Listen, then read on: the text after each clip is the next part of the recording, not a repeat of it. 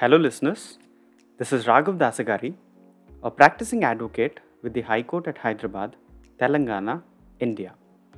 I have a more than a decade experience of practicing before the various courts and in various branches of law in India.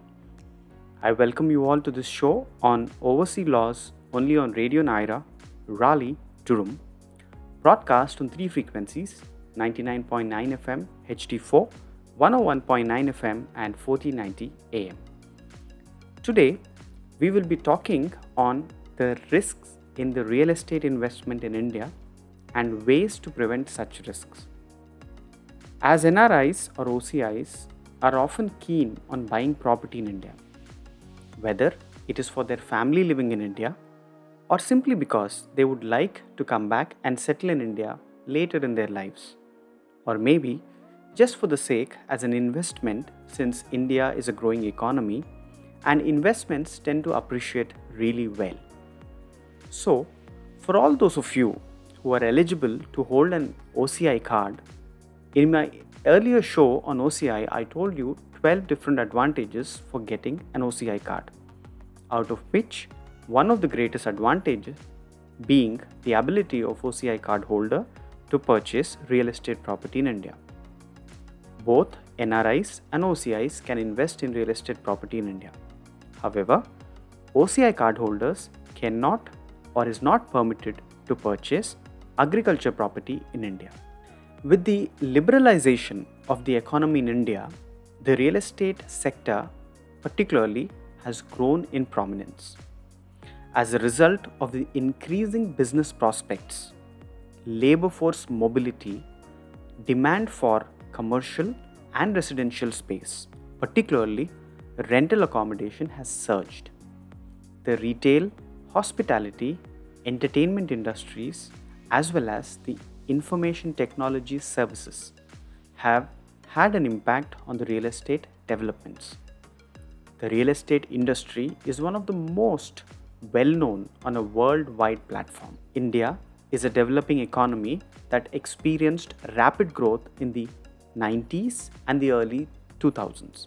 However, this rapid growth has been primarily driven by service exports to economies such as the United States or the European Union. Thus, the globalization has drastically transformed the economy, and one of the most significant changes has been the real estate market's newfound unpredictability. The expansion of this industry is aided by the expansion of the corporate environment, which has increased demand for office space as well as urban and semi urban housing. Across terms of direct, indirect, and induced effects in all sectors of the economy, the construction industry ranks third among the 14 key sectors. After the agriculture sector, the real estate sector generates the most employment in India. This sector is also expected to attract more and more of non resident in Indian, that is the NRI investment, both in short term and in the long term. Now, let us address the first concern.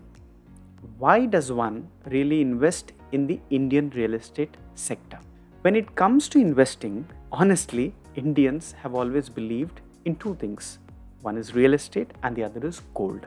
Real estate investing is thought to be a safe bet due to the higher long term returns. The fact that the real estate never loses value or demand makes it an excellent op- investment option, offering higher returns than traditional investment ideas. There are numerous reasons why real estate investment is so beneficial.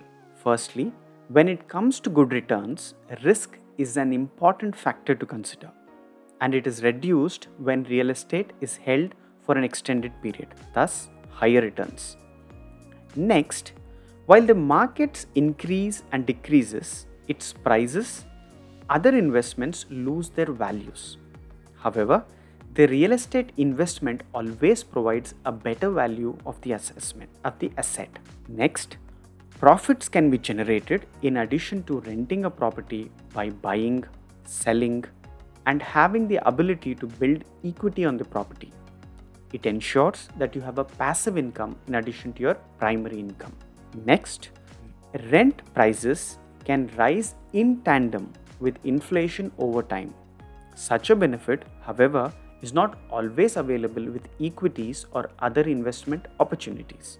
Therefore, real estate limits inflation. Next, investing in real estate allows one to be their own leader, making risk management easier because control in the hands of the investment maker. Other factors will influence and cause changes in your investment. However, because you are in charge, the risk can be much more accurately calculated. Real estate investment in India is a great way to save for retirement early or on a regular basis. If a person does their homework and understands the fundamentals of investing, your property can provide a steady income throughout your years of retirement. Over the last decade, India's real estate market has grown at an incredible rate. Property affordability is a major reason why Indian real estate attracts many investors. With the goal of reviving the economy, the government has devised policies and programs to maximize investment opportunities for NRIs looking to invest in the real estate sector. These days, no discussion goes without relating it to the impact of the COVID 19 pandemic. So, if one analyzes the Indian real estate market scene after the onset of the COVID 19 pandemic, it is no wonder that the COVID 19 pandemic has brought the country's economic growth to a standstill. Despite taking all corrective measures to combat the pandemic, it caused severe damage to the real estate sector that requires human contact inherently. To overcome these adverse effects, all stakeholders of the real estate sector join hands with an aim to restore normalcy. Now, according to the head of the industry body, which is called the CREDAI, the demand for residential real estate in India may be thrown off track due to a dramatic increase in the number of new COVID cases.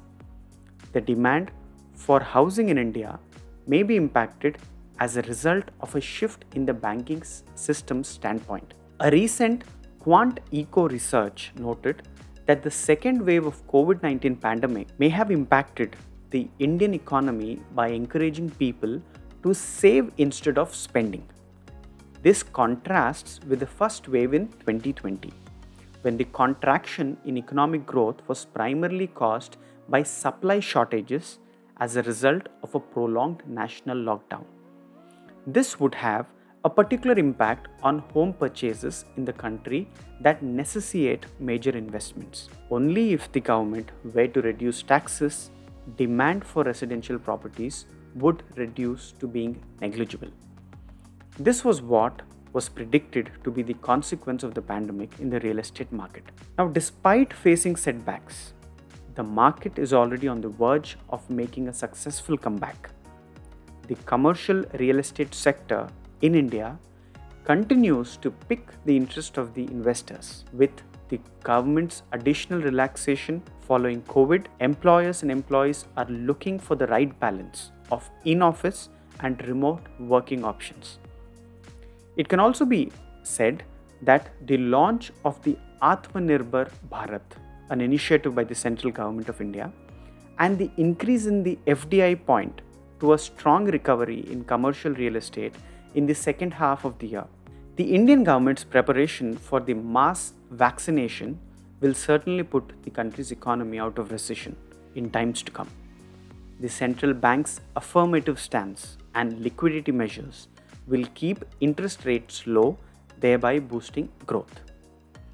Now, let me tell you another very important uh, development, and that is the introduction of the REITs or the Real Estate Investment Trust.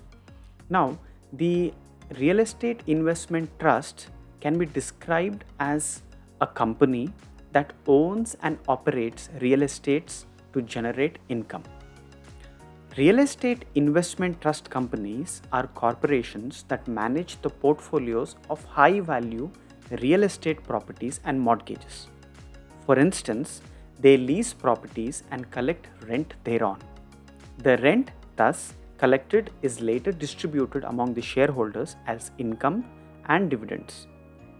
Now, following the Indian regulator of stock market, which is the SEBI, amendment to the REIT rules, one can anticipate an increase in investment in commercial real estate, which offers attractive returns when compared to other investment avenues. After the pandemic hit, people started to realize the importance of real estate being an asset. Thus, the sector that has predicted or that was predicted to suffer losses because of the pandemic bounced back even stronger just within a few months. A report by Anarock noted an increase in sales higher than the preceding quarter when the pandemic reduced the sale to 12,730 units. The policies of the government on demand and supply have a huge role in play in this regard. A drastic change in the preference of consumers was also observed. There was an increased demand for larger spaces so that the residents can have different and separate places for a variety of tasks. There was a surge in the demand of three bedroom hall kitchen flat units to facilitate activities such as office space, study space, and entertainment space.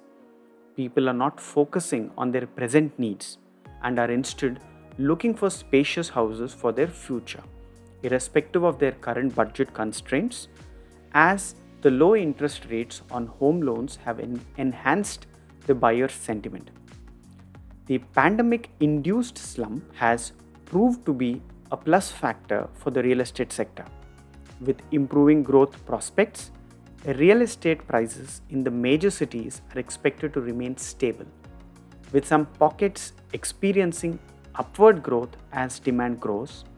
While year 2020-21 has been unimaginable year globally, it has created some exciting possibilities for the real estate sector that are likely to bring about a new era of innovation and digital evolution. It cannot be ignored that the Indian market is still associated with certain risks. We are taking a quick break and we'll be back after these messages. After the break, I will tell you on the various risks associated with real estate investment in India. So please stay tuned with us.